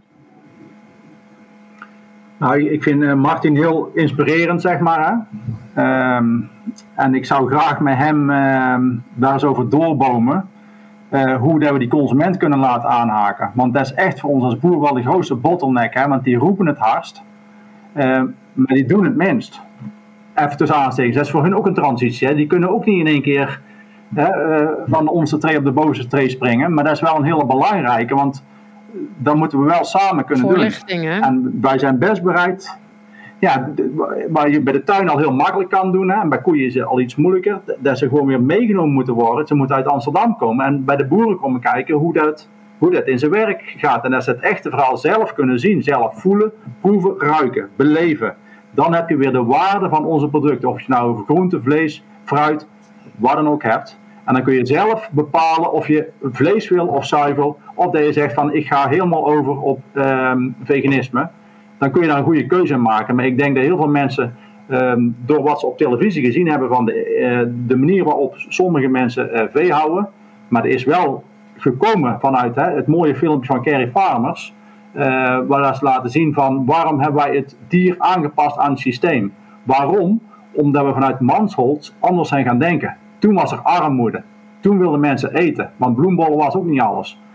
Ik ben trots op mijn opa wat hij gedaan heeft vanuit de oorlog. En uh, wij moeten precies dezelfde uitdaging nu gaan vervullen. Misschien nog wel veel groter als toen mensen gewoon voeden. Voor een lage prijs betaalbaar voor iedereen. Dat was Mansholt. Nu moeten we een andere transitie maken. En we weten niet hoe snel we moeten zijn. Maar als ik te snel ga als boer, breek ik mijn nek ook. Dus ik moet mijn balans vinden dat ik overeind blijf. Dat ik het gefinancierd krijg. Nou, de banken zullen niet meedoen. Um, dus moeten we de consument hebben. Dus dat vind ik dan heel spannend, die ik met Martin dan wel uh, zou willen uitbomen, of met een grotere groep. Uh, van hoe kunnen we die transitie dan doen? En zijn er ook mensen die willen voorfinancieren? Hè? Want wij doen investeringen voor 30 jaar. Er is geen één bedrijf waar voor 30 jaar een investering vooruitschuift. Als we dit nou zouden kunnen doen, hè, dat wij die stallen kunnen bouwen die meer kosten voor kalf bij de koe. En eigenlijk moeten we het grotere systeem pakken, dus agroforestry, strokenteelt, alles bij elkaar. Als we daar eens een rekenplaatje van maken, wat kost dat? Want ik kan daar ook niet voor niks doen. En als consumenten bereid zouden zijn om dat voor te financieren, samen, dus eigenlijk een soort herenboeren, uh, alleen dan met boeren samen, dat zou voor mij het allermooiste zijn. Dus dat de mensen ook bewust zijn en ook de pijn ja. voelen als er iets niet goed of als er een oost mislukt. Ja. Maar we laten alles bij de boer liggen, want wij hebben de nee. wilde en de luxe dat we het gewoon gaan halen waar we willen. Maar dat is, dat is al zwaar zat. Ik bedoel, uh, uh, wij zitten in, met diezelfde uh, discussies natuurlijk ook bij de, met de tuin. Um, ja, je begint zonder trekker. Uiteindelijk is het, moet je het echt ondervinden als groep zijnde... dat die trekker op een gegeven moment, nou ja, toch wel nodig is. Uiteindelijk. En uh, ja, uh, dan is dat het nu op dit moment toch nog één op diesel, omdat we ja, de elektrische toch nog niet konden bekostigen. Ja. Dus ja, je moet er toch als samenleving uitzien te komen. En ik denk dat juist de dialoog, stap voor stap. Uh, om eruit te komen welk punt het beste is, voor zowel de dier als de boer als de consument. Uh, dat we daar nog een hele discussie over te voeren hebben. En ja. uh, voordat we daaruit zijn, moet ieders standpunt daarin meegewogen worden. En ik denk dat we daar best een mooie stap hierin maken, omdat we hier wel ja, alle gezichtsvelden uh, zeg maar wel belicht hebben. Dus dat, dat neem ik vooral mee. Dat maar bij dan, de groentetuin we... is ook uh, voorfinanciering. Uh, ik heb ook voorgefinancierd met van ja, ik weet niet zeker of het gaat lukken. Maar ja, dat is ook. Ja, om, dus die mensen zijn er wel. Ik vind het mooi dat jij dat zegt, uh, Corné, als in dat. Dat is ook iets wat centraal wel gezegd wordt: van de consument is zo machtig en ze zijn eigenlijk zo niet bewust van de macht die ze hebben, omdat ook vanuit wat maakt mijn ene kaas nou uit op de, op de grote schaal. Um, maar daarin zijn we inderdaad wel zo krachtig. Dus ik vind het heel mooi dat je ons, ons consumenten of um, uh, we zijn natuurlijk ook allemaal consumenten, als in daar weer bewust van maakt en oproept uh, dat het uitmaakt en dat we met z'n allen iets te doen hebben. Ik kom zo nog even bij Martin daarover. En wat me daar ook uh, ter oren kwam, um, en, en wat ik me besefte. ik heb ook jaren in Amsterdam gewoond. En wij maken nu ook de stap persoonlijk weer meer terug naar landelijk en iets gaan doen voor de aarde. Ehm, maar dat daarin dus ook ehm, de, de stad sommige dingen wel zou willen, maar dat er dus een hele grote kloof is, ook qua kennis. Want jij vertelde me ook wel, Corné, van ja, uh, ik ben een boer en ik kan een heleboel dingen. En tegelijkertijd heb ik ook nog een heleboel andere kennis en kunde nodig, die in overvloed aan de sta in de stad aanwezig is. En die wij heel goed zouden kunnen gebruiken. Dus de uitwisseling tussen stad en land zou uh, los van geld ook enorm uh, de kennis welkom om bijvoorbeeld een crowdfundingsactie te doen of wat ook. Mensen in de stad, als je daar goed in bent, dan heb ik boeren uh, die daar heel goed jouw hulp bij kunnen gebruiken. In de zin van, dan heb ik kennis gemaakt met boeren die daar heel goed jouw hulp bij kunnen gebruiken. Dus dat nader tot elkaar komen, heeft volgens mij ook weer op alle levels. Um, dat we elkaars kwaliteiten echt gaan gebruiken en inzetten om met elkaar die stap te maken. Dat wilde ik nog even toevoegen aan, uh, wat ook in de voorgesprekken en zo tot mij uh, is gekomen. En ik denk, ik denk ook dat we echt heel zuinig moeten zijn op de boeren. Of ze nou gangbaar, biologisch of biologisch dynamisch zijn. Als ik merk uh, waar ik de informatie van oude mensen vandaan moet halen, hoe dat die met oude stalmest werkt, met, op de oude manier zeg maar, vooruit naar vroeger. Die kennis is er niet meer. Als er nog steeds meer boeren afhaken door alle druk die ze op hun schouders krijgen, um, dan hebben we eigenlijk allemaal geen boeren meer. Dan kunnen ze ook niet meer veranderen. Maar wie gaat die landen beheren? Wie gaan ze. Want we, willen ze wel vol huizen zetten, want daar hebben we behoefte aan. Um, maar we moeten ook die landen beheren. Natuur moeten we gaan beheren. En als we geen boeren meer hebben, er is niemand zo gek die 80 uur in de week maakt. Niemand. Maar boeren zijn nog zo gek, plus de kennis die daar zit. Dat moeten we niet onderschatten. En geef die boeren ook de tijd om die transitie te maken. Die kunnen leren van de biologische dynamische en zo kunnen we stappen maken. Maar geef ze ook die tijd en, en koop ze niet uit. Want dan hebben we eigenlijk alleen maar de keus om het uit het buitenland te halen. En dan hebben we geen keus meer en dan hebben we helemaal niks, geen zeggenschap. Dankjewel Corné. Daar ben ik eh, ja, helemaal eens Corné. En en, en, en, boeren die, die passen zich enorm snel aan, volgens mij, als, als de mogelijkheden er, er zijn. Ik bedoel, als, als uh, uh, bio, als die markt groeit, nou dan staan ze in de rij. Um, jongens, ik uh, ga heel even nu wat strakker doen als in ik wil heel graag nog Martin horen. En ik wil ook voor die tijd, want die tijd loopt door. En ik denk dat het dus super interessant is waar we het met elkaar over hebben. Maar in dit geval wil ik deze wel afronden. Martin, wat is het wat jij uh, meeneemt uh, uit deze podcast? Of wat heb, wat, wat heb jij geleerd in, in het gesprek met, uh, met deze mensen? Nou, allereerst, ik vond het echt een heel inspirerende discussie, ook voornamelijk om te, om te luisteren.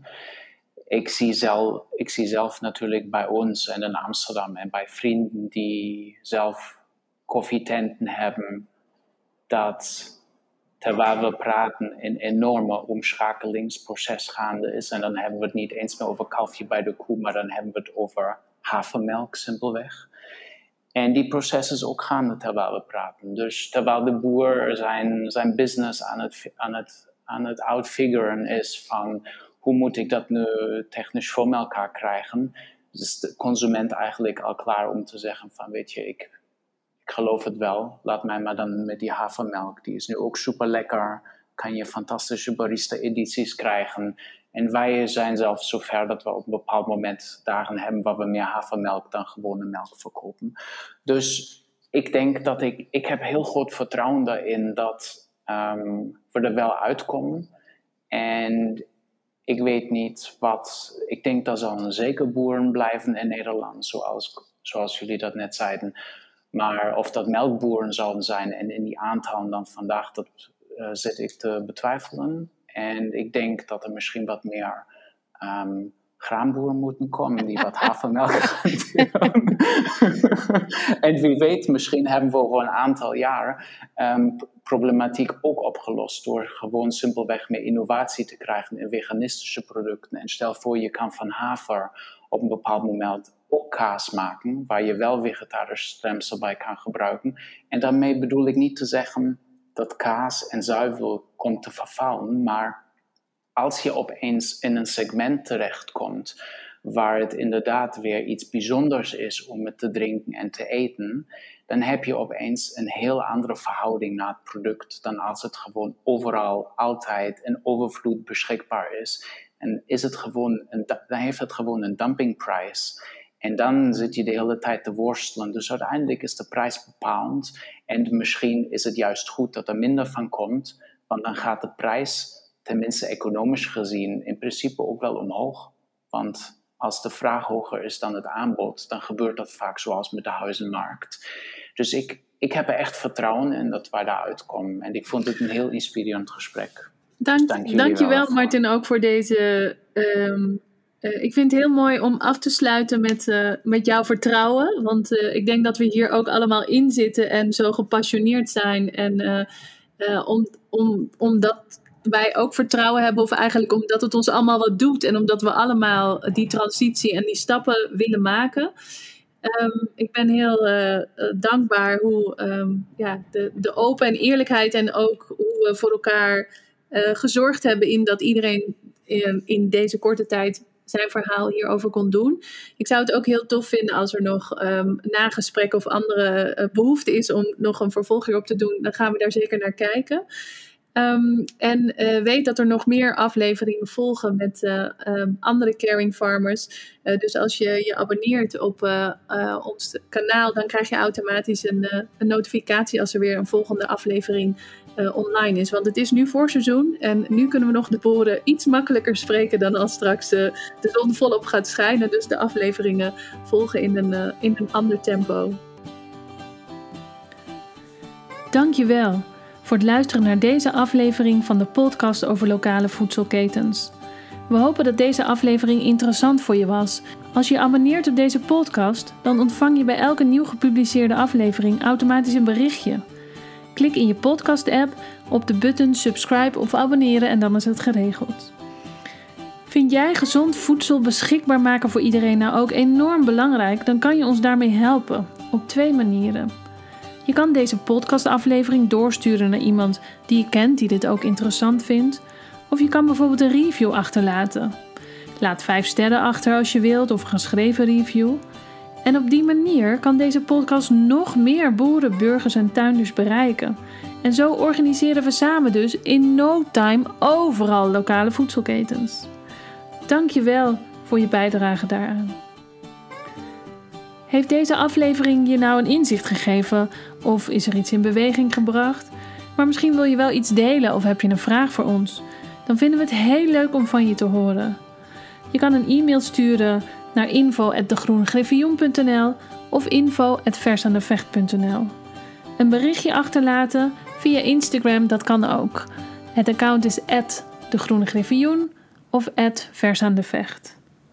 Nogmaals, Dank je wel voor het luisteren en heel graag tot een volgende aflevering.